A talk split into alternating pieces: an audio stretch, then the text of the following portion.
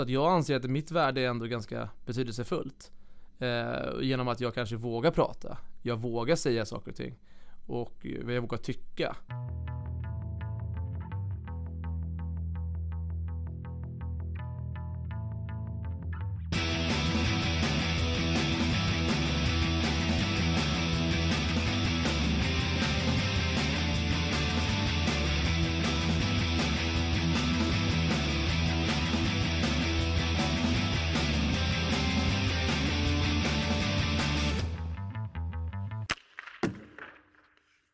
Hallå där, Micke Mjörnberg här. Sommaren rullar vidare och idag har det blivit dags för den profilstarka åsiktsmaskinen Adam Rashidi att sätta sig vid poddmikrofonen. Det blir ett samtal om att vara en rutinerad pjäs i en väldigt ung liga Hur han en gång lurade sig ur ett kontrakt med Kalix och givetvis också anledningen till Visbys rykte som ett riktigt grisgäng Bland väldigt, väldigt, väldigt mycket annat vill ni kontakta mig så finns jag i sociala medier, ni bara söker efter Mjörnbergs Trash Talk på Instagram, Facebook, Twitter, vilket ni nu föredrar så hittar ni fram där. Nu slutar vi snacka, nu lyssnar vi istället på Adam Rashidi. Trevlig lyssning. Idag sitter jag på ett bankkontor på Kungsängen, eller i Kungsängen, jag vet faktiskt inte riktigt vilket man säger men jag har hittat Adam Rashidi. Välkommen! Tjena, tack tack! Eller kanske du som ska säga välkommen till mig i och för sig men eh, Ja, äh, du får känna dig välkommen och jag får känna mig välkommen så blir det jättebra. Då blir det gemytligt och trevligt Exakt. så att säga.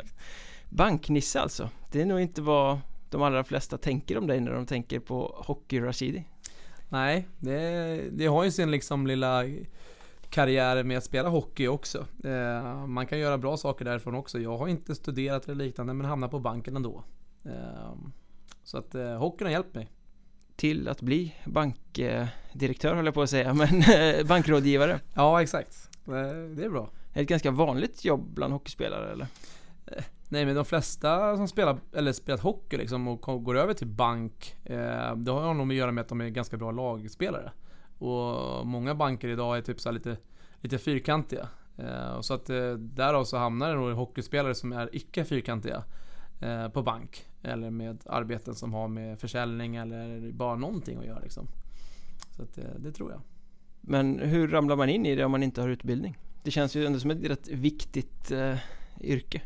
Man måste kunna siffror. Ja, jag kan siffror. Eh, jag har 56 i Enköping. Så att de kan jag ju. Och ja. vad jag har haft för siffror innan det. men eh, men hur, hur hamnade jag på bank? Ja, jag eh, flyttade till Gotland. Spelade i Visby Roma i eh, fem år. Sen efter mitt första år så jobbade jag på ett ställe som heter Payex. Och så hade man ju setts liksom lite grann i tidningen och ja men det är liksom ganska så här lite folk, alla vet vem man är och alltihopa. Och sen så var det bankdirektören på, eh, på Swedbank där eh, på Gotland som hörde av sig till mig och sa äh, du känns väldigt intressant och känns som att du alltid har liksom bra, ja men mina texter som jag säger och, och, skriver och alla de här grejerna liksom. Och han följde mig på Twitter i ett och ett halvt år eh, och fastnade för mig på Twitter. Och sen så erbjöd han mig ett jobb där jag står i kassan. Eh, sen tog jag det därifrån och gick vidare, blev vanlig rådgivare eh, och sen blev jag bolånerådgivare och eh, nu är jag någon som heter premierådgivare. alltså förmögenhetsrådgivare, tar hand om kunder som har lite mer pengar.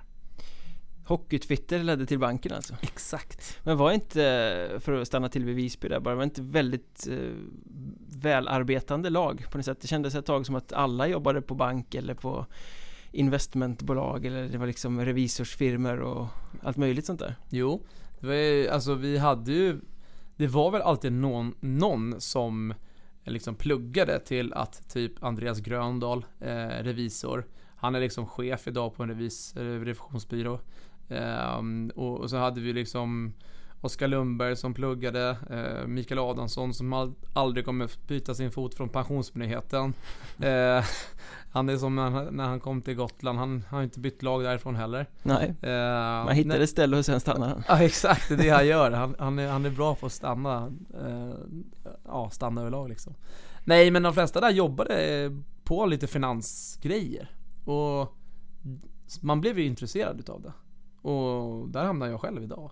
Och jag är så glad att jag har det här jobbet. Och jag trivs så bra. Är det inte liksom uh, viktigt att ha ett riktigt jobb så att säga bredvid hockeyn? Uh, det, finns, det finns två skolor där kan man tycka om man tittar på Hockeyettan i stort Det finns de som byter klubbar och byter lager och sen så finns det de som skaffar sig riktiga yrken och sen blir lite mindre mobila kanske Eh, men, men, hur ser du på det att, att, faktiskt ha ett bra yrke vid sidan av en hockeykarriär?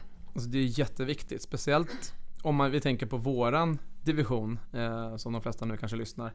Eh, och, och, det är ju för att Alltså du, du, du, du jobbar 8 till 5 eh, och sen så går du och spelar hockey. Du har ju skitkul med dina lagkamrater och alltihopa. Men en dag så kan det bara komma att ja, du håller inte längre, nummer ett. Mm. Eh, nummer två, du skadar dig.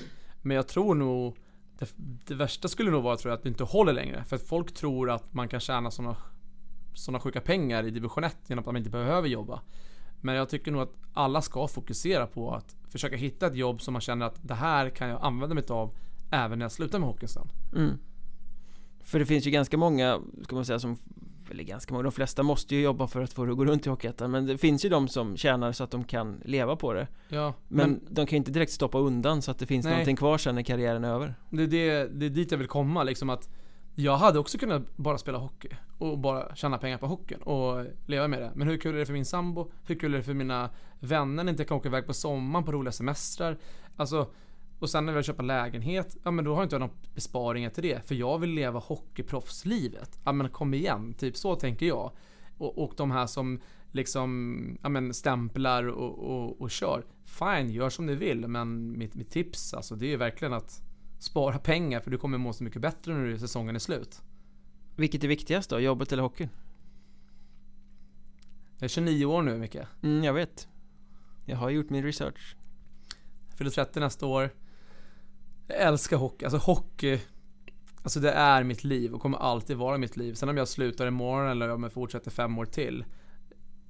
Alltså viktigast just nu för mig är faktiskt jobbet. Mm. För jag, just, jag äger lägenhet, jag är, alltså, det, liksom, det är grejer som behöver betalas. Och ska jag spela hockey och, och leka Allan Ballan i, i division 1 liksom. Ja, jag kan inte göra det hela livet. Nej. Men eh, just nu så skulle jag säga att jobbet är det viktigaste. Du börjar se slutet ändå? Ja, lite. Det känns tungt att säga det, men det är jobbigt alltså. Jag tänkte nästan vi skulle komma till det, för du är ju som sagt 29, fyller 30 eh, Behöver inte prata kris än, det kommer Nej. efter nyår sen eh, Men du är en rutinerad pjäs i en väldigt ung liga mm. Eh, det... Hur är det att vara det? Alltså det är kul eh, Speciellt när man typ möter vissa lag som som, nu ska jag inte ta någon sån, men jag, tar, jag kan ta Segertorp som ett exempel. Väldigt ungt lag förra mm. året. Eh, då hade de ju någon spelare där som var med i eh, juniorlandslaget. Eh, och Ja men du vet, han åkte runt och tjabbade hela matchen med mig och jag tänkte såhär, men vem fan är du liksom? Alltså, jag har ingen aning vem du är och, och, du åker runt och bara, så jävla dålig, ja men du är också här. Och sen så slutar det med att man kommer hem och alla i, i mitt hockeylag säger Adam, han som du höll på att tjafsa med, han är, han är med i juniorlandslaget nu. Jaha, kul för han. Då hade jag liksom gått ut och sagt, vem fan är du? Uh -huh. Så att eh, det kommer så mycket unga duktiga. Och jag tycker att de gör rätt att gå via division 1. Mm. För det är rätt väg att gå. Men se till att du gör det snabbt. Mm. För att annars hamnar du där jag är idag. Ja precis, man börjar och sen blir man på. kvar. Ja, att du gnetar på. Eh, men mm, hur utvecklande är det då? Känner du fortfarande att du blir en bättre hockeyspelare eller är, har du kommit till liksom, nivån där du spelar för att det här är roligt? Nej, jag tycker ändå att jag utvecklar alltid mitt sinne eh, till att tänka hockey på ett annat, annorlunda sätt. Tar du, spolar tillbaks fyra år då. Då trodde jag ju fortfarande att jag skulle göra 50 poäng per år.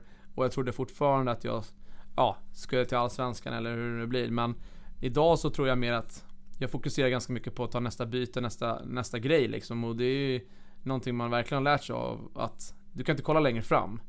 Men det tycker jag är utvecklande att tänka så. För jag vill, efter att jag suttit med hockey, jag vill bli tränare. Mm. Det, det, är min dröm. Att bli en tränare inom division 1. För att det finns alltså så mycket potential att utveckla spelare som är så pass duktiga. Mm. Tycker du att det är brist på bra tränare? Ja. Alltså jag har inte haft så många, eller jag har haft många, men jag, jag har ju sett många. Och ja. jag tänker så här, de har det här laget framför sig och kan inte göra det bättre vi har det här laget framför oss och vi gör det bättre. Mm. Då tycker jag att det är brist på först research på tränare. Eh, för att jag tror sportchefer och så vidare som sitter i klubbar eh, är lite för mycket, åh här är ett namn som jag ska ha. Inte, vad har han verkligen gjort? Och vad är det för referenser vi får från spelarna som han haft innan. Inte vad vilka kompisar som den här tränaren nu har som har gett referenser. För där tror jag vi hamnar lite i division 1. Mm. En, en klassiker också att man har en trupp och sen värvar man en tränare på namn snarare än att tänka tanken okej, okay, vi har det här materialet, då måste mm. vi ha en tränare som passar det materialet ja. också Du kan inte ha en, en, en, offensiv trupp och ta in en tränare som älskar att spela med hängslen och livrem Nej, till exempel. Det, nej, det går inte Ska jag göra, jag tänker inte hänga ut någon, eller kanske ska hänga ut någon men, men jag har ju liksom haft många tränare under min karriär och jag kan bara ta som senast, alltså Hans Serker, skitduktig person. Mm. Skitsnäll och alltihopa. Men var han verkligen rätt tränare för, för Visby Roma som hade ett gäng 30-plussare? Jag vet inte. Men där och då så tror jag de flesta kanske kände att Ja, fan vi kanske skulle haft någon som fortfarande, alltså verkligen brann för att utveckla. Eh, det är bara att rulla tillbaks nu till till Enköping där jag är idag. Mm. Eh, du kanske vill komma dit, men jag kör på bara. Gör det, ordet är fritt. jag vet, jag kan ju fastna och snacka vilka som helst. Men eh, Patrik Fagerlund, eh, som nu är i Västerås som assisterande, eh, rätt, han var helt rätt man för vårt lag. Mm. Vi var ett gäng äldre spelare. Han, var, han, var, han brann för att utveckla. Eh, och, och, vi äldre fick ju någon, någon sjuk bra kontakt med honom. Och han lyssnade på en om man hade liksom stressigt eller det var jobbigt på jobbet eller något sånt där. Så han, han tog, tog det lugnt, lyssnade, gör så här istället. Inte bara du ska göra som alla andra gör. Mm. Som det oftast har varit eller kanske är. Och sådana tränare skulle jag vilja hylla mer. Går det inte ganska mycket mer åt det hållet om man tittar på de kullarna som kommer upp nu? Att ledarskap blir mer och mer individanpassat än laganpassat. Du har eh, 25 pers här, du kan inte behandla alla likadant för att de kommer reagera extremt olika på det du säger. Mm. Det är så det funkar idag. Alltså, det är bra. Men samtidigt så skulle jag Skulle jag välja att vara tränare Så skulle jag, för, alltså jag skulle förklara för varje spelare Så här ser jag på det hela Så här ser jag dig som en spelare. Men jag skulle säga så här Det är det här vi alla ska gå efter om du inte är intresserad, ta din trunk och dra. Ja, men ställer vi dig i ett bås då? Är det den här eh, svärmors dröm eh, Adam från banken eller är det fighting face från isen som kommer synas? Det kommer mittemellan. Nej, jag vet faktiskt inte. Jag kan inte svara på det, men jag tror att jag skulle bli väldigt... De flesta som känner mig, som har spelat med mig i många år, vet att jag är en väldigt skör människa. Att jag är liksom en människa som som vill allas bästa hela tiden och tycker någon illa om mig så mår jag dåligt. Mm. Eh, och att jag har sagt någonting dumt till någon så kan jag ofta liksom gå tillbaka och bara förlåt det var inte meningen, alltså, det var bara skämt typ eller liknande. Så att eh, jag tror att jag skulle vara en skör person också på bänken som tränare. Tror folk ofta att du är eh, farligare än vad du är? Jag tror det. Eh, de som varit med ett tag eh, när jag började hockeykarriären i, i division 1 då fanns det ingen stopp. Det var bara svart allt. Liksom jag bara körde över allt och försökte verkligen slåss med varandra jävel. Jag försökte säga, det här är jag och jag ska komma hit och visa vem jag är liksom. Under tiden så har det väl ändå byggts upp lite grann. Som när jag var nu spelade jag liksom mot, mot eh, Boden och Piteå och de här lagen. Där var ju jag för många år sedan. Mm. Eh, och när jag kom till Boden nu så hade de i handen den där stora skäggiga killen. Eh, Jake Bolton. Ja, exakt. Och de som spelade i Boden spelade jag med när jag var yngre. I Luleå Hockey och alltihopa. De visste ju då att Ja, han Rashidi kommer inte vika en sekund. Mm. Så att Bolton står ju där på rörlinjen. Jag åkte så här framför Bolton, fram och tillbaks, fram och tillbaks. Kom när du vill, när du vill. Och då sa jag en i deras lag, Adam det ser ut som att du eh, var 20 år igen. så jag var, och så det, Nej, man, man, ja, jag vet inte. Jag, jag, jag är snäll. Så skulle jag säga men det är ganska intressant att du kommer in på det liksom att du var ganska galen Det var väl kanske där ryktet satte sig från första mm. början men Du har nästan, vad är det, tio år i ligan? Eller ja. något, något i den stilen ja. ja. Uh, hur betraktar du dig själv som spelare? Hur har liksom utvecklingen gått över Över alla de här säsongerna? Ja du Micke, du vet Jag kan inte ens sätta mig själv som spelare Vad är jag för spelare? Är jag en defensiv back? Är jag en power forward ett byte? Är jag center? Eller är jag en power playback eller är jag målvakt? Jag vet inte, för jag älskar att bara vara där jag kan göra alltså, skillnad. Vi kan kalla dig för back för att det är ju där tränarna oftast har tyckt att du ska sitta. Nej, men jag skulle se mig själv som hockeyspelare allt, alltså kommer nog se hela, hela tills jag slutar att jag är en tvåvägsback. Alltså jag är, gillar ju mer att städa i egen zon. Mm. Eh, jag, jag eh, hatar att släppa in mål. För då lägger jag allt fokus på att det är jag som gjort fel Mm. Uh, är, är besvikelsen över att ställa, släppa in mål större än glädjen över att göra mål? Besvikelsen att släppa in mål. Mm. Alla veckan. Mål är för fan för någon annan att göra. Mm. Uh, men det hade varit jävligt kul att göra mål någon gång också. jag gjorde ingen mål förra året. Nej, jag såg det, 0 plus 9 eller något Det var jävligt tufft ska jag säga. Ja. Men det var någon säsong när du spelade bara powerplay och boxplay yes. för Visby. Visby. Det är ju ganska ovanligt. Ja, det är som, som jag sa nu. Jag var redo att göra allt för att få göra någonting. Uh, och vi hade en bra backuppsättning då. Mm. Men vi hade inte bra powerplay nog. Uh, och, och, Mike Barrell, som vi hade som tränare då, han hade ju haft i Wings innan. Och där spelade jag ju bara nästan powerplay ett tag. Uh, och då sa han så här, ah, men vi måste göra en förändring. Och mm. han var ju inte rädd för att plocka bort spelare. Så då hoppade jag in, eh, spelade powerplay och bara boxplay. Mm. Eh, det var lite tungt faktiskt för att det kunde gå ungefär en och en halv period och så blev det powerplay. Och då skulle jag ut, jag hade en vänsterkanten som en båge. Så då åker jag hela vägen ner framför e- eh, eget mål, hela vägen ut på vänsterkanten och så skulle jag skägga hela vägen till bortre blå. Och sen skulle jag öppna upp en, eh, en yta där som det kom nummer två. Och du vet, har du suttit i en och en halv period och väntat på att få göra en sak och så kommer du ut, du vet, syran är ju total. Och jag har väl aldrig varit den här väst, mest, mest vältränade spelaren heller, utan jag har ju varit den här ah, det får gå som det går. Mm. Eh, så att jag hade några byten där som var lite syra, så jag var tvungen att byta snabbt liksom. Och bara, ah, du det, det blev byte här, så det är en 60 meter är allt jag kunde. Så att, eh, ja men det var kul. Men det var ganska många matcher, det var inte så liksom att det var ett experiment i en match utan du spelade liksom verkligen inte fem mot fem Nej, det var, jag tror det var nästan 11 eller 12 matcher. Som jag spelade bara powerplay och boxplay vad gjorde det för självförtroendet eller självkänslan i det liksom? Jag är bättre än alla andra för de behövde ju ha någon som behövde Som kunde ta hand om boxplay och powerplay Du såg den positiva ja, sidan av det så att 5 mot 5, det kan vi alla spela tänker jag ja. Vi har sett det i lite alla möjliga roller såklart Men om, om du tittar på spelet som, som helhet så här, i, i ligan Den hockeyettan som var när du kom in som galen eh, yngling till den hockeyettan som är idag Hur mycket skiljer det sig egentligen? Eh, jag skulle säga att det skiljer sig ändå ganska mycket. För att eh, hur det var för tio år sedan så var det inte lika mycket fart. Nej. Eh, det var lite mera, alltså så här, där ska vi ligga, vi ska ligga framför han där borta, så gör vi så, så väntar vi in bara. Idag är det, alltså det, det handlar om fart. Det är liksom, är du snabb på skridskorna så är du bra i division 1. Men du får fortfarande inte glömma bort att under de här tio åren så har det funnits spelare som jag, som vet att om du åker den här bågen här så kommer du ta stopp på det någon gång liksom. Mm. Eller vi kommer läsa det. Eh, dit har det väl utvecklats, så att det går för lite för snabbt ibland. Eh, för vissa spelare. Ja, är det inte väldigt mycket så? Att eh, tempot kommer på bekostnad av spelkvaliteten? Mm. Att passarna sitter inte riktigt där de ska och så vidare. Nej. Men har man nytta av att vara rutinerad då? Du behöver inte ta de här extra skären för du vet ungefär var de kommer komma flängande. Ja, jag skulle ändå säga att jag gör ganska stor nytta från att jag, att jag är rutinerad. Om du typ nu ska vi inte säga att alla ska in på min Elite Prospect men senaste, Jo, gör det.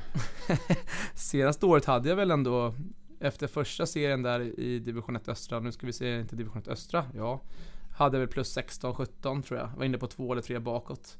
Eh, Jag åkte inte och jagade mål, jag åkte inte, jag låg bara rätt hela tiden. Jag var inte trött när jag kom efter match. Mm. Jag var såhär, ja idag gjorde jag mitt jobb. Eh, Jag gick plus ett eller två och sen så var det inget mer. Sen kommer du till allettan och lite tuffare Eh, trodde att man kunde ligga fortfarande lite på rulle. Eh, och så låg man ju minus 6 där efter några matcher.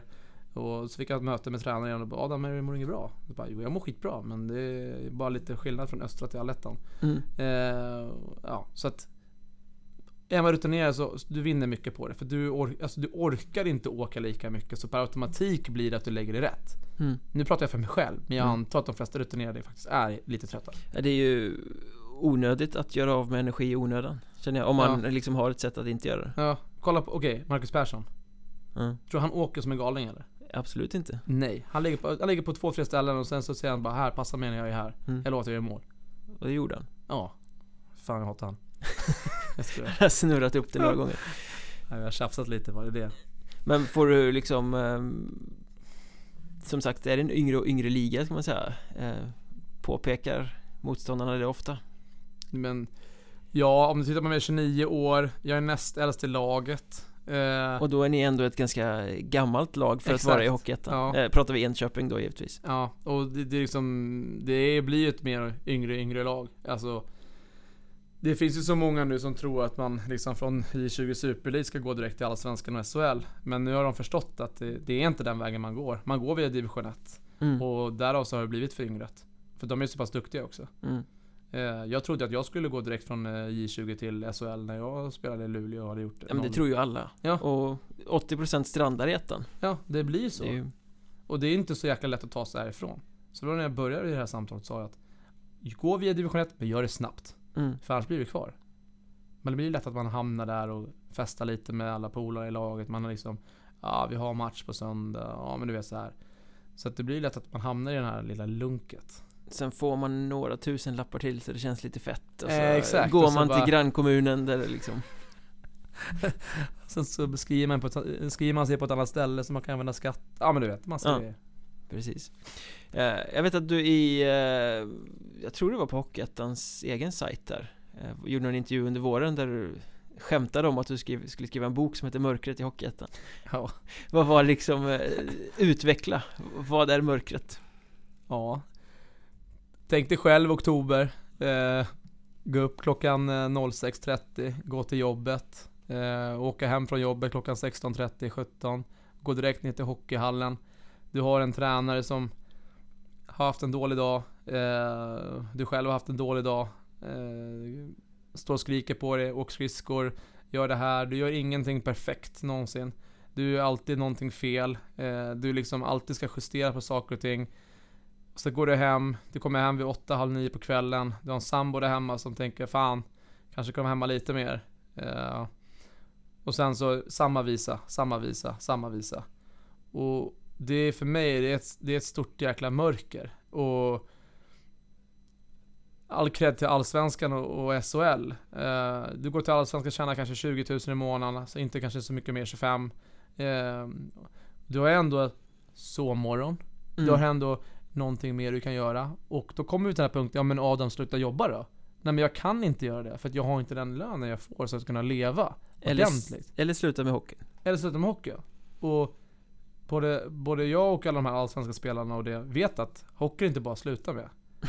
Det går inte bara att göra det. För att du måste ta sjukt många beslut innan du gör det. Mm. Och jag har haft de där besluten i min hjärna många gånger. Men jag drivs av att komma till omklädningsrummet och få prata med allihopa och se att kanske någon person i mitt hockeylag kanske inte är helt hundra glad. Att få göra den personen glad under den dagen. Det betyder så mycket mer för mig än att sitta hemma och kolla på TV. Så att jag känner mig att jag fyller väl den funktionen ganska mycket. I, i lagen liksom och, och i truppen liksom. eh, Ledaregenskaperna, ledarroll där då? Ja, det jag ser mig själv som en ledare för att jag Jag kommer alltid finnas där för alla i mitt lag. Alltså de som är i mitt hockeylag och även alla de som spelar i division 1. Alltså typ så det är familj. För att vi är en familj, vi alla gör samma sak. Och stå och skrika olika ord till varandra i division 1. Eh, det blir så här, vi är på samma, samma här på samma kriterier. Jag hatar det också för att det är match just nu men vi, kan, vi kan ta en bärs sen. Ja exakt, det är dit jag vill komma liksom. Men är det inte ganska många som beskriver den våndan också just där att det är inte bara att sluta med hockey för att Jag menar du är nu snart 30 Det är en ganska stor del av livet eh, Du är hockeyspelare till din person vare sig mm. du vill eller inte Nej. Det är liksom svårt att bara ta bort, bara ta bort något plötsligt mm. menar, Vi som inte står på ett par skridskor varje dag och håller på Vi kan ju liksom säga, men det bara sluta om det är jobbigt liksom Nej, det är så mycket mer alltså, Jag blir nästan såhär tårögd när jag tänker på det för att det är faktiskt så jäkla mycket mer än det för att Ja men jag diskuterar med min sambo lite här fram och tillbaks ibland så här, Men ska vi hålla, hur länge ska vi hålla på med hockey? Och vad tänker du med hockeyn sen då? Var ska vi bo? Alltså alla sådana här grejer och jag vet ingenting annat än att i augusti, då börjar mitt liv. För det är det livet jag alltid har levt. Augusti fram till mars, april. Mm. Jag är glad någon gång maj kanske, om det har hänt. Men det kommer aldrig hända. Men ja. Eh, och, och, Det är så jäkla många månader på året som du liksom stämplar in. Och det är så många dagar av de där månaderna som du mår så dåligt för att det är så jobbigt. Mm. Men det finns två, tre, fyra dagar på, där, på de här månaderna som du bara, pff, livet leker. Och de tre, fyra dagarna är det man fastnar för. Mm. Så att när du sitter där och ska bestämma dig sen, ska jag sluta eller inte? Då tänker du på de här tre, fyra dagarna. Du tänker på Sudden eh, Playoff 2 och borta mot Piteå eller något sånt där Exakt.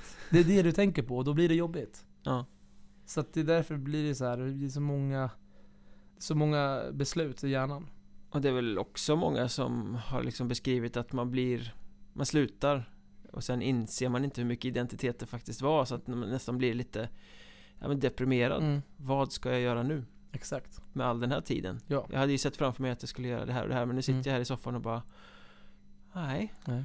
Det var inte så kul det här Nej, jag, men jag var ju som, jag är väldigt bra kompis med Mikael Adolfsson. mm. Eh, och, och, han, och han hänger jag med ganska ofta fast jag bor här och han bor där. Och jag pratade med honom och diskuterade lite grann. Men hur känner du nu? Han har två barn. Mm. Han har liksom sin, med sin, eh, sin sambo. Och han sa så här. Hade varit, hade varit själv. Helt singel. Och inga barn. Han började köra på 5-6 år till. Mm. Lätt. Han bara, det, jag vet inget annat. Det är ju så roligt. Han Mm. bara, nu går jag runt. Jag går och fixar min trädgård. Ja. Liksom, ja men du vet, han hittar saker han måste göra. Han spelar paddel hela tiden och det är liksom, det är saker han måste göra. Men han tycker att det är, det är det skönaste beslutet han har gjort. För att du behöver inte planera din, liksom, nu är det hockeyträning, nu är det det här, jag kan inte göra det här, jag kan inte göra det här. Utan nu är det mer att han, ja, kommer hem, vad ska jag göra? Mm. Det tycker han är skönt. Men han tycker inte det här med att nu ska jag, eh, ja men jag ska åka till hockeyomklädningsrummet och snacka med någon. Nej Det precis får inte han längre liksom. Alltså, han har ju sambo såklart, de är ju jättebra så, då, så men jag menar bara Ja, så jag försöker ta in alla som har slutat försöker jag så här prata det med. vardagligga kompistugget Ja exakt. Ja men typ ta en kaffe, lukta skit i munnen, snacka lite och snus och sen är det klart. Det, det är så de flesta hockeykillarna har det på dagarna typ. Men eh, om man vänder på det ur hockeyspelar-synpunkt då Det finns inte den här eh, psykologiska aspekten att du binder upp så mycket av din tid i hockey Det är träningar, det är matcher, det är bortamatcher, du är borta hela helger Mm. Att de här få dagarna under en månad som du faktiskt har att ägna åt sambo eller familj eller Mm. vad det är Att det blir en form av press över dem för att det måste vara så jävla bra just Mm. när nu är det våran tid liksom Exakt, då blir det bara fel. Ja, känner du av det också personligen? Men så blir det ju. Ja. Alltså jag har också haft de känslorna att det är så här. Ja men man typ snackar med sambon under kanske Ja men under vinter, vinterhalvåret där och så bara, men sen i sommar då ska vi göra allt liksom. Så kommer sommaren. Och så är det så här bara, oh shit vad fan ska vi göra då? Mm. Ja men du, ja men, ja så förstår det på rätt sätt, men vad ska vi göra liksom? Ska vi åka iväg? Ska vi inte åka iväg? Ska vi göra det här? Ska vi inte göra det här? Så det är så mycket som man vill verkligen säga, ska vi göra det eller inte ska göra det? Men där har ju min sambo, bara man ska ta som perspektiv från min egna sida, min sambo har ju varit grym i hantera hockeyn och alltihop. Och hon lät mig flytta till Gotland. Och sen så flyttade hon med, hon studerade där, så hon hittade sin sak. Sen flyttade jag till Enköping ett år tidigare, hon studerade klart. Sen kom hon hit nu. Och nu är det ändå som att, nu vill jag att följa med henne på hennes resa. Mm. Och känna lite hur det känns. Nu vill hon, ja men hon ska börja jobba i Solna. Ja då köper vi en lägenhet i Sundbyberg. Mm. För att vi behöver, nu ska jag följa med lite grann. Ja, vad gör vi? Och så får jag sitta och pendla till Enköping. Mm. Om jag nu ska liksom fortsätta med det. Det kommer jag göra. Men så att hon har ju varit grym och hjälpt till i det. Men alla kanske inte har en sån. Som kan köpa sånt där och bara, ja, men gå och gör din grej, jag gör min grej. Mm. Så när hon skaffar ett nytt jobb i Kalmar sen så får du spela i Kalmar HC Ja, det har varit nice. Ja, jag har sett dem i en ny arena och Ja, det fan, kommer bli flott jag har hört att de har bra löner också. Inte i år tror jag Man får Nej, dumpa lite Ja, jag såg att de var ute med någon swish-kampanj. Jag tänkte skicka en hundring om det var så. Ja, de skulle ju ha in en topp 2-back så Ja, att, jag eh, menar det. det Det kanske kan jag var till mig själv. Eh, Men eh, för att vara rent krass så, så är du kanske inte känd mest för publiken för ditt hockeyspel egentligen utan du är mer känd som en Person. ja, profil eller karaktär eller sådär Ja. hur, hur viktig är den delen för dig? Du är ju en av, av ganska få i Hockeyettan som faktiskt sticker ut och har fortsatt att sticka ut Nej men jag, jag trivs ändå bra med det. Eh, för att jag tycker att vi... Varför går folk och kollar på matcher? Ja, det är okej för att det är hockey. Okej, men om det är helt dött på hockeyn, det händer ingenting extra, det är ingen som skriker på läktaren, det är ingen som, som snackar skit, eller det är ingen som gör någonting eller ute på Twitter, det är ingen som är i tidningarna, det är ingen, alltså, då blir det inte intressant längre. Nej Så att jag anser att mitt värde är ändå ganska betydelsefullt. Eh, genom att jag kanske vågar prata. Jag vågar säga saker och ting. Och jag vågar tycka. Och mitt hockeyspel, jag vet att jag håller, jag håller ändå alltså medel och lite högre klass i division 1. mm. Men det är för att jag har spelat här ett tag. Eh, och, och alltihopa. Men det är väl inte det jag vill säga, oh, jag vill inte vara bäst i division, jag vill inte, jag vill inte, jag behöver inte vara bäst i division 1. Jag tycker att det här är bara, det är kul och bara att gå runt och snacka lite skit med allihopa. Och vissa kanske tycker såhär, ja men vadå, står man i playoff 3 och så står du och snackar skit bara? Ja men det gör jag inte. Alltså är det playoff 3 då är det fan liv och död. Mm. Det vet jag för jag har varit det så många gånger. Eh, så att, jag trivs med att vara den jag är. Men söker du det? Eller är det bara så att du tar tillfället i akt att eh, prata lite när någon ringer från någon tidning eller sådär? Men jag anser att man ändå ska få Är det en tidning som vill att jag ska prata om någonting De gör ju ett jobb Ja, varför ska jag inte låta dem göra deras jobb? Om jag har ett jobb Då vill jag att de ska prata med mig om mitt jobb Eller det, om jag behöver information om någonting Mm. Så att jag anser att, som du nu Ja du har kommit hit och vi har diskuterat om man ska ha en podd eller inte Varför inte? Kör på, det kanske går bättre för dina businesser Alltså business Jag har, för mig är det ju så liten tid Mm. och bara, absolut, alltså jag söker mig inte till det men jag, jag, jag, jag, duckar det ju inte.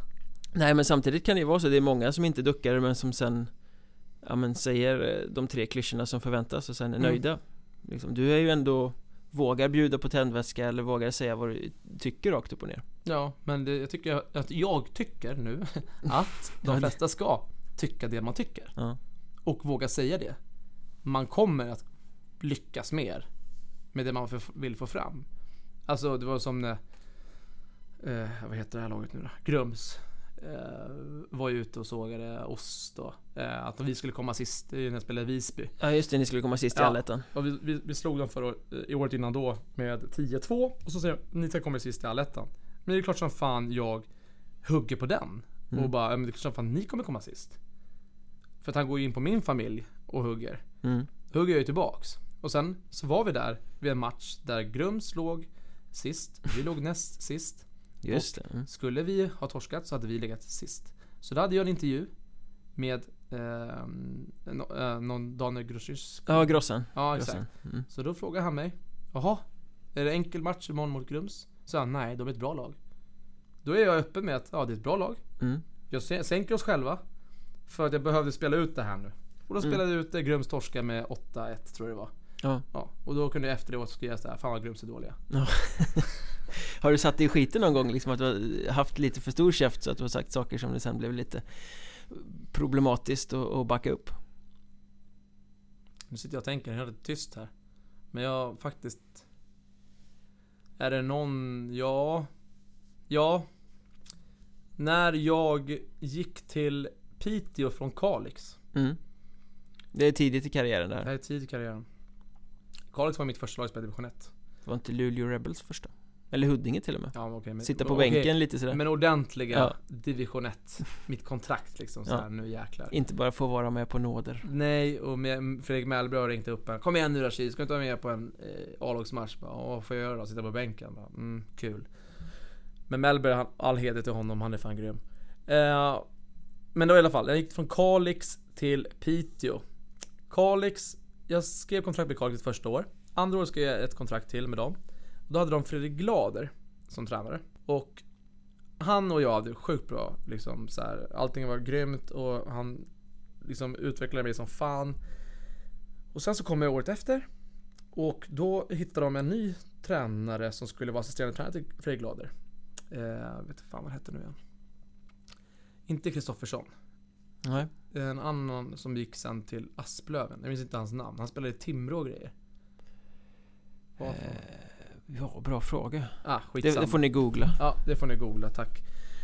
Och han då hade gått upp och lagt ett ultimatum då till sportchefen i Kalix och sa så här. Antingen blir jag head- head coach eller så, så, så vet du det, så drar jag.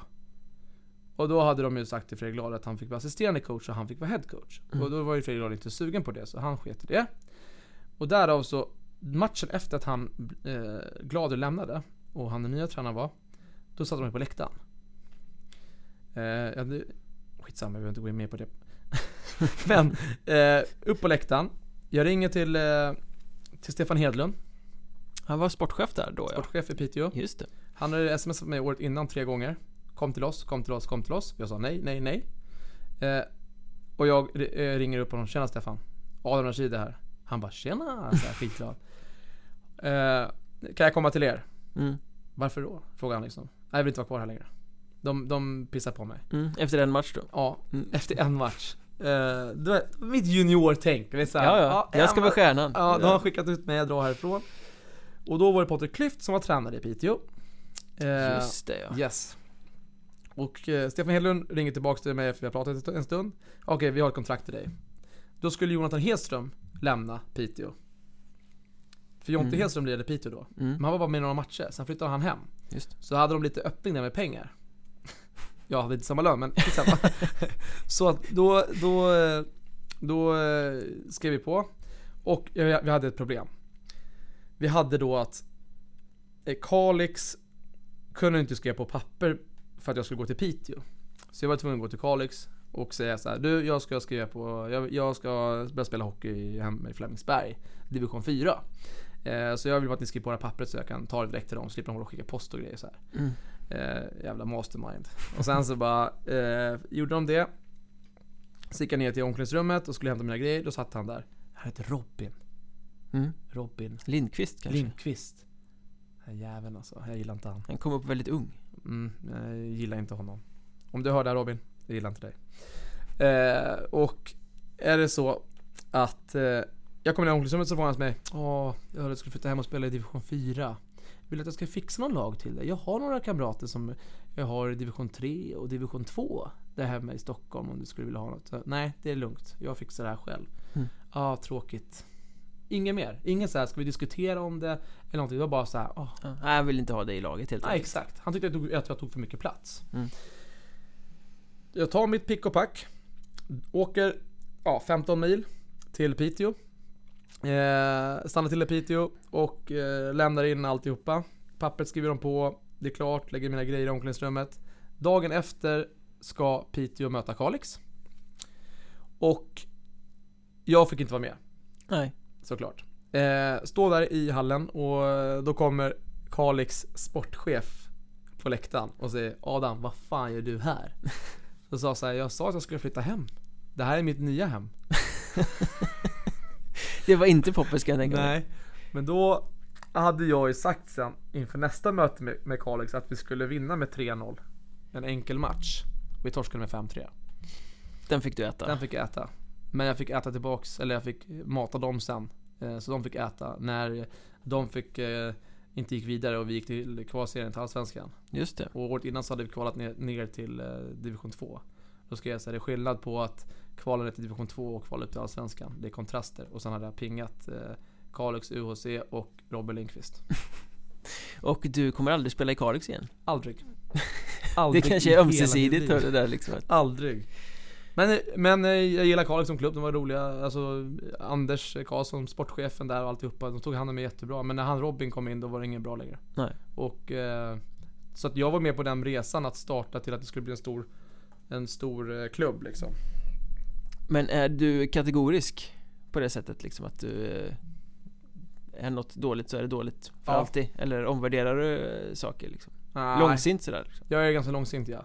Är det så att någon har verkligen uttryckt sig, uttryckt sig på fel sätt och sagt någonting som de, som de inte har liksom facit på eller, eller liksom Ja men Om någon skulle tycka att du är mycket en jävla idiot Fast de inte vet och inte träffat dig någon gång. Det händer ganska ofta. Ja Men då, men då tycker jag att det är lite så här, det är fel. För de har ju bara sett vad du har i skrift. Mm. De har inte träffat, och inte, och inte träffat dig eller pratat med dig kanske eller något liknande. Så du kan ju inte yttra dig om någon människa Eller liknande. Det, sånt där kan jag störa mig på riktigt mycket För yttrar du om någon som du inte vet Det är liksom fel att döma någon så Det är ju helt fel såklart Ja. Men blir det inte jobbigt att leva efter den devisen med tanke på att det är det folk gör hela tiden? Jo. Jag menar Om man tar mig som exempel, folk tycker hela tiden att jag är dum i huvudet Ja. eftersom jag har haft en åsikt om deras lag mm. Folk tycker förmodligen hela tiden att du är dum i huvudet Mm. och förutsätter att ja, men det där Adam Rashidi det är väl ett jävla rövhål eftersom Ja. han åker omkring och psykar våra spelare Mm. liksom. Men träffa mig en gång så kommer du tycka tvärtom Det är så jag försöker formulera det liksom att Men är det inte jobbigt att gå och vara sur på folk då som, som tycker så? Jag är inte så att jag går runt och tänker på dem hela tiden att jävla idioter de är Utan jag tänker mer på, ja okej han har gjort sitt liksom Eller han har tänkt så ja, Han får nog bearbeta, han har längre väg att bearbeta in hos mig Han måste vinna tillbaka förtroendet Exakt. då som Och det är samma som med tränare Säger en tränare någonting som jag tycker är helt, helt alltså, skumt eller konstigt Då får den ta tid.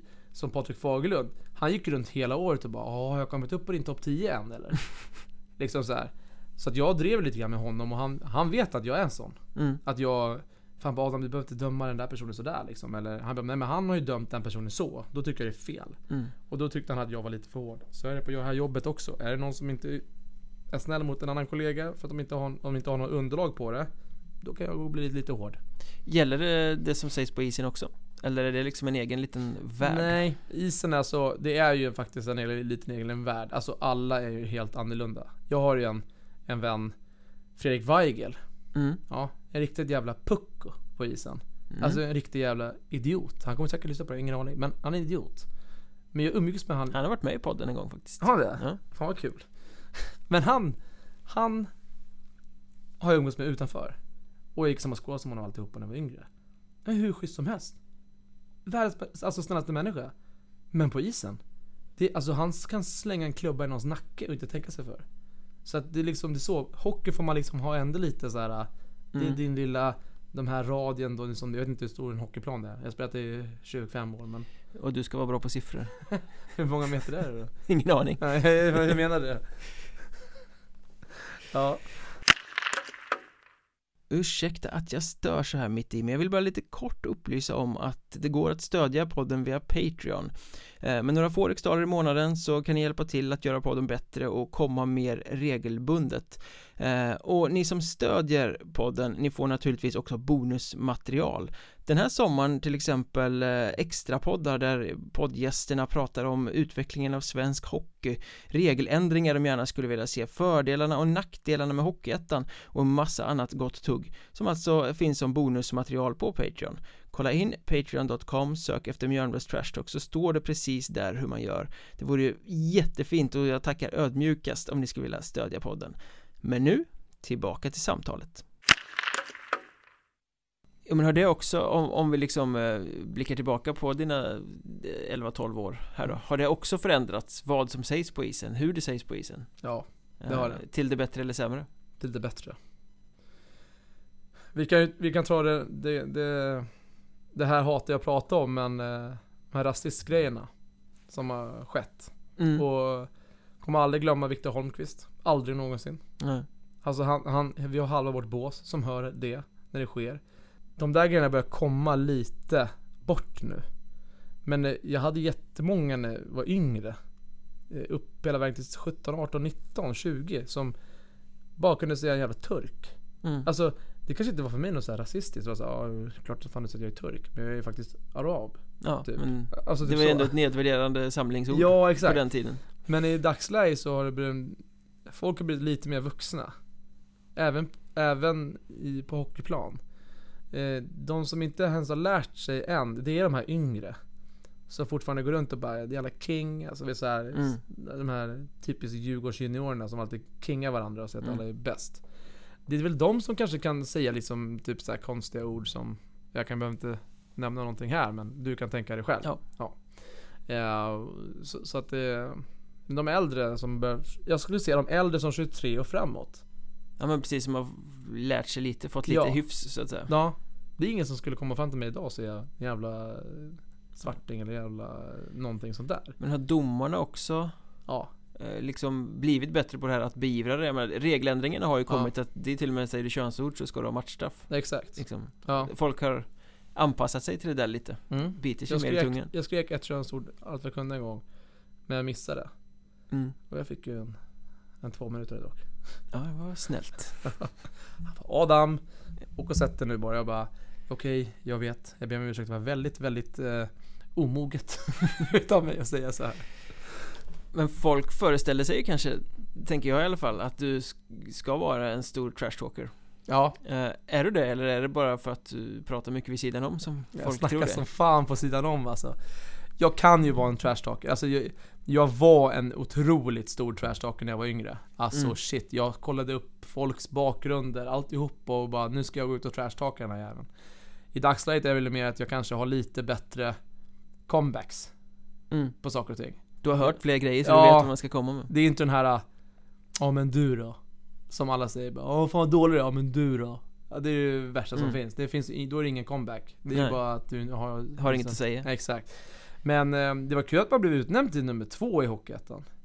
Ja Som just det, de gjorde den där Ja. eh, Jag eh, ifrågasätter eh, empirismen i den undersökningen Ja, jag undrar också hur kan jag ha blivit nummer Vilka två? klubbar fick enkäten och hur, vilka, det kändes som att det var bara Forshaga som hade svarat på den för de var ju topp i allt Ja, jag menar det. Men Elias Bjur fick nummer ett. mm. Han gillar att prata. Mm. Men han är ju... Nej, nej. Alltså... Jag tyckte inte att han var så här värsta trashtalken jag mött i division 1 det här året. Ja. Vilka Det är finns- de bästa då? Det finns värre. Ta alla amerikaner. Mm. Ja, Alltså, det de ligger ju lite i deras DNA Ja, de gnabbar ut. hela tiden och man fattar ingenting. De bara what the fuck are you talking about? Men alltså, det är typ det vi svennar säger. mm. What? alltså, det, Can you ja, translate men typ, please? ja men det är så typiskt när en amerikaner säger what's up och vi säger what's up. Mm. Eller nej, vi, vi svenskar kör alltid, de säger what's up och vi säger "Eh, not much, eh, we are just chilling here. så, så, men då kanske de egentligen vill droppa handskarna, what's up, kom Ja, igen nu. ja. Och vi bara "Eh, no, not much. Hej, jag har mjölk i kaffet, tack Ja, exakt. Så att, eh, nej. Jag skulle säga amerikanare, jag tyckte det var fel att det är Elias Bjur och mig som trashtalkers. Men är det inte så att det finns väldigt få också? Jo, det är därför vi hamnade. Och det är få som verkligen går in på de här kanterna de kör också. Ja, och Alltså- om ing- en, ingen ändå förstår vad amerikanerna säger så kanske det är svårt att lägga dem etta också Ja, faktiskt. Men, men den. Men är det många som försöker fast att de är kass på det då? Eller är det mest tyst där ute? Nej men det finns några i Hudiksvall som kan, eh, som kan vara duktiga på att snacka. Men Mm. det är bara för att när de är griniga, då är det bara tjabbel, tjabbel, tjabbel. Jag gillar ju lag som inte behöver vara griniga för att eh, trashtalka. Ta Visby då, Mm. som ett exempel. Ja, vi var ju grymma på trashtalk. Alltså, vi var ju 110% fokus på andra laget. Mm. Vi fokuserade inte på vårt egna lag. Alltså vi, vi visste att vi hade en gameplan. När vi hade Mike. Alltså det var, vi hade en gameplan, det var att vinna. Mm. Sen så var det så här. Ja, ha- han pratade ju engelska och amerikanska. Vi fattade inte han. Så, så vi gick ju bara ut och körde. Och sen så var det ju liksom Ja men man var ju över i andra bås och man Man tjafsade med den och nu blev det en fighting-utvisning. Ja men gå dit och snacka lite då. Snacka skit bara typ. Och försök att bara gå in i huvudena på allihopa. Och vi gjorde det ju bra i 4-5 år. Mm. Ja, det där är intressant att du kommer in på det för, med Visby för det är väl egentligen där som du har gjort ditt största legacy i Hockeyettan Mm. Vad blev det? Fem säsonger? Fem säsonger. Eh, En, play, en kvalserie och eh, fyra playoff. Tre. Ja, ja, ni gick ju till playoff 3 varenda Ja. säsong där ett tag. Kändes det som Och sen vi var var det inte slut. bra. Nej det var ni inte, ni kunde fan inte slå en pass många säsonger Nej. Eh, Men ni hade ju ryktet om er att vara grisar Mm. Grisarna från Visby, det Ja. som folk i Visby har försökt motarbeta och motsäga alla Men hur var det med det där egentligen? Alltså- var ni så grisiga som ryktet sa? Jag tycker att det var lite för ofta man såg från en synvinkel. Inte åkte vi ner till Nybro och bara grisade. Inte åkte vi ner till Tranås och bara grisade. Utan vi kanske hade lite gris i oss. Men det är ju playoff hockey. Mm. Det är där vi fick grisorden ifrån. För att vi vann ju inte många matcher i alletta. För att om man ska grisa i en alletta så har du inte, alltså det är tuffare då. Då ska du grisa i 20 omgångar det, det är jobbigt. Mm. Men har du en playoff, alltså Jag tror det är där vi får vår, vår gris ifrån. Det Det var var ju för, mer gris än många andra lag kanske ja, men det var det. Det var för liksom Micke Adamsson var i spetsen. Eh, Sen hade du Emil Wahlberg. Du hade liksom Tim Attlee.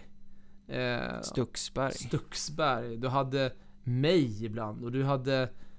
Nej men det var många som bara så här. Oskar Lundberg var ju betraktad som en finlirare men han hade väl rätt mycket gris i sig också Ja, och Andreas Gröndahl, han kunde ju också ordentligt. Så att... Men jag ska säga så här, varför vi blir kallade för grisar på riktigt. Det tror jag har med play- playoff-hockeyn att göra. Mm. För att det finns väl inget värre än att åka ut. Och åker man ut på ett lag som inte släpper in någonting. Alltså som bara håller tätt och bara slänger sig och bara tar pucken med handen och ut med den. Då, efter den förlusten så tänker man bara vilket jävla äckligt grislag. Ja, fine. Men vi kom ju hit och vi gör ju en sak, den saken vi måste göra. Vi måste ju försöka vinna matchen och det handlar om att släppa in mindre mål än vad ni gör. Och där tror jag vi fick våra grisord för vi hade ändå bra powerplay. Vi hade ju såna alltid, vi har alltid haft, vi spelade ju alltid de här powerplay liksom lines som gjorde mål. Så hade vi fyra femmor som bara köttade. Eh, men jag tycker det var lite fel kanske att gå in lite för grovt och säga att vi grisade redan i den östra eller grisade redan i alletta. För det tycker inte jag vi har gjort liksom. Vi har försökt att spela hockey.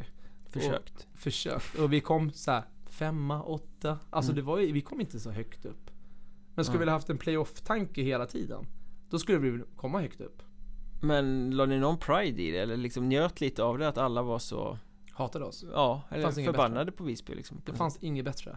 Vi fick ju bara mer och mer tändvätska. För att när vi skulle åka typ, åka och spela mot Tranås borta i en playoff. Då var det ju liksom, alla hatar oss här. Ingen vill se oss här. Det här, alla här på läktaren nu, det här är bara våra alltså, fiender. mm. Allt vi gör nu kommer bara bli liksom ilska och vi blir bara mer glada. Mm. Så att då blev det som att det blev en prime liksom att det här, eller pride sorry. Ja. ja att vi ville göra det här. Ja, men då måste ni också så här lyst upp när ni läst eh, medierapportering och sånt också För oavsett om det var Vi lokaltidningar eller liksom Vi sådär, så garvade. Varenda motståndarlag ni skulle möta om det var intervju med någon Så var det så nej då kommer Gris Visby och man har alltid fem spelare skadade när Visby har varit här och eh, liksom sådär det, jag tycker det är sjukt alltså. Men jag... Jag köper att man kan tycka så, för jag... Men när jag spelade mot Visby i år, så tänkte inte jag gris. Nej men Visby var ju totalt blasé-bleka hela året ända fram till slutspelet Mm. Och då var grisarna där igen plötsligt Det var rätt fascinerande ändå liksom Det var som att klubbsjälen kom fram Ja. på något sätt Jag, jag, gick ut någonstans med någon som hade, man skulle tippa så här, lagen. Och då var det ingen som tippat Visby någonstans.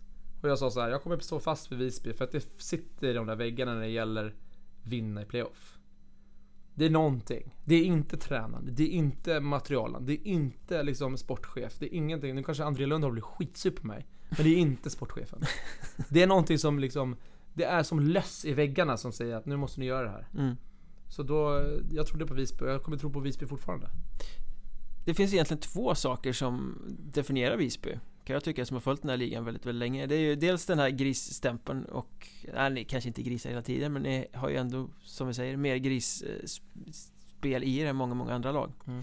Och sen är det att spelare kommer dit och antingen drar de fort som fan därifrån Eller blir kvar hur länge som helst Mm. Det verkar inte finnas något mellanting Det är ju ingen som gör två säsonger i Visby Utan man gör en eller så gör man Fem. fem, plus Mm. Eh, Varför är det så? Du tillhör ju då Fem plus. Ja, precis Nej men jag vet inte. Men Alltså- det, det, alltså, det är inte kul att hålla på och åka den där jävla båten fram och tillbaka Det är väl en grej jag kanske känner mig väldigt nöjd över att jag inte åker den här båten längre. Men varför det blev som det blev, det var att jag skulle gå dit, åka dit, spela en säsong. Sen kom André, efter halva säsongen, tja, vi ska göra två år till. Okej, två år till. Liksom jag gjorde min typ sämsta säsong där. Sen blev det två, så skrev jag på två år till. Min sambo flyttade dit. Min sambo älskade Gotland. Och jag började älska Gotland. Sommaren var helt fantastisk. Vänner, hockeykamrater, deras flickvänner. Alltså det blev en, det blev bara en stor, alltså stor jäkla liksom gemenskap. Och det, det var så härligt att bo där liksom. Så här på sommaren, jag köpte ju lägenhet där och alltihopa liksom. Och det var så här, alla mina vänner kom till Gotland. Alltså det blev som att det blev en stor grej. Och då kände jag bara, fan vad jag trivs bra här. Eh, men sen kom det en dag jag bara, nej. Nu vill jag inte vara längre. Nu är det slut Nu är det slut Nu har jag gjort det här. Ja, nu är jag färdig med den här Gotland. Då var det ganska mycket, ah, jag brukar säga det är Andres fel för att jag drog. Men han vet varför, hoppas jag. Jag pratade med han under julen. Så jag sa, ska vi kolla på ett kontrakt till liksom? Eller? Han bara, du ska ändå inte dra någonstans. Du har lägenhet här, du har din sambo här och alltihopa. Så att vi kan ta det här i sommar. Då har Enköping hört av sig, som galningar. Du blev lite tagen för givet där kände du alltså? Ja. Då har Enköping hört av sig som galningar. Och sa att de håller på att liksom starta om något nytt. Och vi behövde ha äldre spelare. Och vi hörde att du är från eh, Stockholm och att din sambo är från Västerås. Så då hade jag en vän som heter Daniel Andersson här Mm. på jobbet.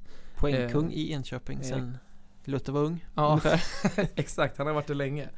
Eh, och han spelade jag ihop med Wings. Eh, och han då hade sagt till dem att men ring till Adam för hans sambo är från Västerås. Han kanske kan tänka sig att spela i Enköping. Och sen så gick det bara över någon dag så var det klart med Enköping. mm. Sen bestämde vi oss för, ja men nu sticker vi härifrån. Och sen när, när vi, ja som jag sa, Troja Ljung blev borta där, då bestämde vi oss allihopa de här gubbarna. Att nu räcker det. Nu spelar vi inte hockey. Och då hade jag redan känt att det var skönt för att jag hade pratat ihop med, med Micke Adamsson och de här att ska ni fortsätta då vill jag gärna vara kvar. Mm. Men det var liksom långt innan. Eh, men då skulle de inte liksom, nej vi, vi slutar. Då sa jag då, då drar jag också härifrån. Ja, och då slapp du vara den här eh, som lyftes ur kompiskretsen på det sättet. Alla andra stannar kvar och kör. Ja, det hade kanske fan. varit lite tungt Ja, mentalt. det här hade varit tråkigt som fan. Men alla slutade. Eh, även typ Fredrik Sandberg drog till Karlskrona. Han var också där i fem år. Mm. Eh, Adam Eriksson la ner samtidigt som Adamsson. Exakt. Stuxberg slutade också. Mm. Han, han är nog sugen på att göra comeback, fast inte i Visby. Du kommer nog kanske se honom någonstans på någon division 1. Det låter spännande. Ja, det skulle bli jävligt kul. Cliffhanger. ja, det är en cliffhanger. Men du har ju varit i lite olika klubbar då, vi nämner Visby här, det är Enköping som gäller nu, du hade din eh, Norrlands eh, turné där med Piteå Kalix Gjorde någon strömatch i Huddinge, Ja. var något år i Wings eh, Var har det liksom, är det, skiljer sig klubbarna så mycket eller är det liksom Ja, det, ganska samma? det gör det. Eh, det skiljer sig ganska mycket. Alltså om jag ska säga så här. Eh, typ materialmässigt och sånt där så är det ju skillnad idag och vad det är när jag spelar i Kalix. Eh, Enköping, ja skitbra med materialet. Många materialare, fyra stycken materialare. Funkar jättebra runt om. Eh, Visby, en materialare. Eh, du fick alltid ditt material och alltihopa men det var, du fick slipa skridskorna själv.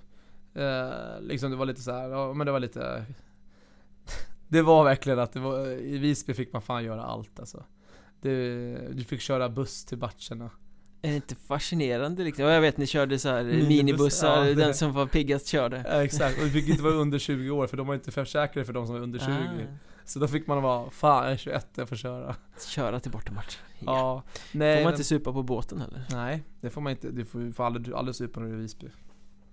Nej, får man nog inte i något lag i och för sig Nej, tydligen inte. Förrän efter säsongen Ja, just det, just det, just det. Eh, Men ändå, det är ändå fascinerande att Visby under de förutsättningarna har varit så framgångsrika Mm. Känner du att ni har liksom varit en del i ändå att sätta den prägen på klubben? Bygga den eh, grismentaliteten om man så vill? Ja, alltså det, det, det jag tycker det var jättefascinerande för att när man väl kom dit så märkte man på direkten att det var bara att ställa sig i ledet. Och ville du vara en i laget så var det gällde att följa alla andra. Mm. Det, det var inte att komma och gnälla om att skridskorna inte var slipade. Det var, gå och slipa dina skridskor själv eller så har du Alltså då är vi en toppklubb i division 1. Mm. Och till slut så blev det som att alla hade samma kriterier. Det var ingen som var liksom mer värd än någon annan. Det var det som var så nice. Att det var ingen som var mer värd än någon annan. Mm. Spelar ingen roll hur dålig du var. Du var i vårt lag. Och vad du än gjorde, slipade du skridskorna eller inte, så var du lika mycket värd. Så det var ju det som jag tyckte var fascinerande med Visby. Men eh, jag skulle inte sätta Visby högst på min lista när det gäller på hur man vill få det så här skött eh, med saker och ting med klubbar och alltihopa så här. Det ska jag inte säga högst upp på listan, men de, de har ju en som heter Eva Werkelin Mm. eh, som är president då. Hon, alltså utan henne hade Visby-Roma aldrig klarat sig. Alltså hon är en mamma för alla barnen. Eller alla barn. mamma för alla spelare. Alla hockeybarnen kan Ja, för säga alla hockeybarn. Alltså hon verkligen tog hand om allihopa. Var det någonting man ville ha så var det Eva, Eva, Eva. Alltså hon, hon, hon brinner så jäkla mycket för alla grabbarna. mm. Eh, och liksom gjorde allt för dem. Eh, hela tiden. Och jag har bara tackat henne att jag typ så här lyckas med jobb och alltihopa. Så hon har ju varit eh, väldigt betydelsefull. Mm. Alla klubbar behöver ha en sån. Ja, ja men någon att luta sig mot, Mm. någon som det finns att gå till kanske Ja. som. Men eh, om vi tittar på Enköping här nu då, bara för att vara lite spetsig Mm. Visby var lite, lite halvkassa förutsättningar kanske Men ett lag oavsett hur spelet såg ut så gick ni alltid långt Enköping känns ju å andra sidan som motsatsen som har ganska goda förutsättningar Spelar ganska bra långa stunder men är ändå ett sånt här loser-gäng som men tar sig till allettan men sen blir det inget mer eh, Man var mätt förra året. Ja men det har varit så i många år även innan Mm. du kom dit liksom. Ja, vi har hört det. Känns det i, i klubben liksom? Det går ju runt eh, på något sätt att man ska ta sig till allettan och, och liksom slutspel och sånt där. Eh, men det känns inte som att man kanske lägger ner den fokusen på att man ska vinna, vinna matcher som man ska gå till, all, eller till slutspelet. Och det var det jag kände lite grann förra året, att vad fan, vi hade ju sjukt bra lag förra året. Men nu ska inte jag alltså gnälla att det var Corona. Men vi hade ingen Corona i vårt lag. Vi hade det på början av säsongen. Sen fick vi ställa in en helg. Mm. Men vi hade liksom spelare som var bara hemma bara någon dag för att de behövde liksom, vi gick ju, jag hade ju Corona men då var det jag själv hemma. Så vi behövde aldrig stänga igen någonting och liksom, alltså vi körde på hela tiden. Och mm. ibland så hade vi juniorer, 5, 6, 7 stycken juniorer. Och hur bra, alltså ingenting mot de juniorerna, men hur bra är de juniorerna om man ska spela en alletta? Mm. Det blir jättetufft. Eh, så att vi hade väl inte men det är stor skillnad på Visby och Enköping Jag menar det sitter i väggarna på någonting så att Nej, i, i, i, Visby inte. vet man ju att det kommer gå långt Sitter inte i väggarna i, i, i, i Enköping, det kan jag säga Nej men jag menar i Visby, där är det liksom Där sitter det i väggarna. Ja, det kommer ju gå långt oavsett hur säsongen ser ut. Ja. Enköping är nästan tvärtom, oavsett hur säsongen ser ut så kommer den ta slut i allettan. Men det är därför jag är där ju. Du ska Jag ska se föra över lite av det blir det i väggarna. Och att, eh, sen har vi Jesper Bergård eh, Som också är kapten i laget. Och han, han vill ju ta med den mentaliteten också Eh, och, och, vi försöker göra vårt bästa, jag och Bergård och eh, alla andra kaptener. Eh, men det är liksom, det, det, det, är tufft ju när ett lag, en förening kanske inte alltid varit en vinnande förening när ungdomar kommer från juniorverksamheten och kommer upp och vet inte vad, de, vad, det, vad det är för som sitter i väggarna. Mm. Men när man är i juniorverksamhet kanske innan och sen går till Visby, inte för att Visby har någon grym juniorverksamhet, men bara som ett exempel. Att när man kommer dit så vet man och hör innan att det här är vinnarmentalitet här.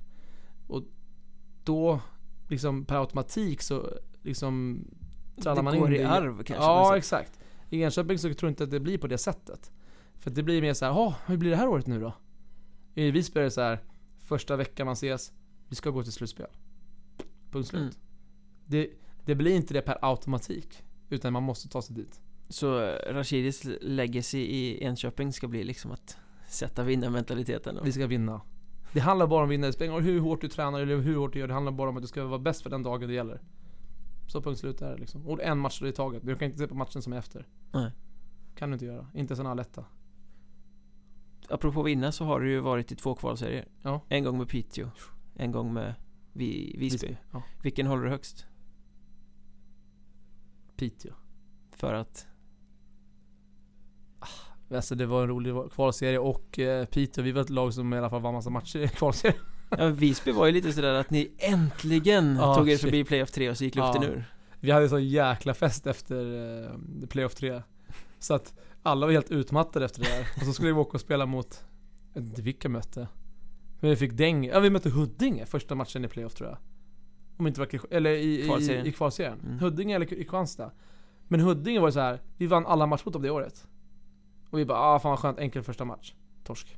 Sen Kristianstad, torsk. Så åker vi till Västerås, vinst. Ja, det Sen, var egentligen ni som spelade dem ur Allsvenskan. Ja, men det var för att halva laget var från Västerås. Ja. Och alla hade spelat där i, ungdom, i ungdomen, så det var Det var ju, Emil Wahlberg sa ju det efter matchen, när vi vann mot Västerås. Ah, skönt. Äntligen kan lägga skridskorna på hyllan. De ratades hämnd. ja, verkligen. Nej, jag håller Piteå högst för att det var mycket roligare att vinna matcher, flera matcher. Och vi var bra hela året. Är det den närmsta hockeyallsvenskan du kommer? Ja. Säker? Du tänker på att det finns framtid eller? Nej, jag vet inte. Du ja, säger ju att du kan hålla på hur många år som helst. Kanske nästa år. Ja, ja men drömmen finns den fortfarande? Eller är du nöjd där du sitter? Min dröm, min mål, mitt mål med hockeykarriären var att spela Allsvenskan. I alla fall en eller två matcher. Det var mitt mål. Min dröm var ju NHL. Det är allas dröm. Mm. Men drömmen kommer man aldrig nå. Om man inte vill lägga ner den tiden, men jag kommer inte gå till NHL, det kan jag lova dig. Men eh, Allsvenskan, eh, ja, jag tänker på det ofta. Och jag vet att det har snackats eh, från förra året. För jag hade väldigt bra defensiv förra året. Mm. Och det var några lag som behövde ha en defensiv pjäs. Och att det snackades lite grann om att de skulle ta in mig. Sen blev jag avstängd eh, från Strömsbro-matchen fram till den sista, eller den första Alletta-matchen och det var ungefär två och en halv vecka jag var avstängd. Eh, annars hade jag nog gjort en eller två matcher i Allsvenskan. Så hoppet finns till nästa säsong i alla fall mm. då? Ja, det är därför jag fortfarande håller på. För jag tänker så jag kanske kan få en eller, en eller två matcher liksom. Men är det inte lite eh, det du beskriver när du här har beskrivit dig själv som spelare? Att du gör det som krävs? Du kan gå in liksom och spela där det behövs. Borde inte det vara drömmen för just det där ett lån i Allsvenskan. Någon som behöver en sjätte, sjunde back som kan gå in och äta lite minuter och liksom inte gnäller eller förväntar sig. Liksom. Exakt. Liksom. Det är det jag vill ändå visa för de flesta som också spelar i division 1 som är lite yngre som kanske sitter på bänken. Då försöker jag säga till dem att fan, ju mer positiv du är, ju mer glad du är att du får vara med i laget, kommer du få mer speltid för. Om du ju mer du gnäller och ju mer du inte vill vara med, ju mindre du kommer få vara kvar. Eller någon kommer gilla dig. Och i Allsvenskan så tror jag det skulle vara perfekt för mig. Just nu äter jag dock jävligt mycket istid i Enköping. Alltså, jag tror jag snittade nästa förra året på 20-25 minuter. Och det var jävligt kul. Ehm, och jag skulle gå till Allsvenskan och göra en eller två matcher. Ja, då skulle jag kunna ha en 5, 6, 7 minuter. Och jag skulle vara minst lika glad. Tycker jag låter som fina slutord. Ja. Vad kul att du ville vara med. Ja, tack för att jag fick vara med.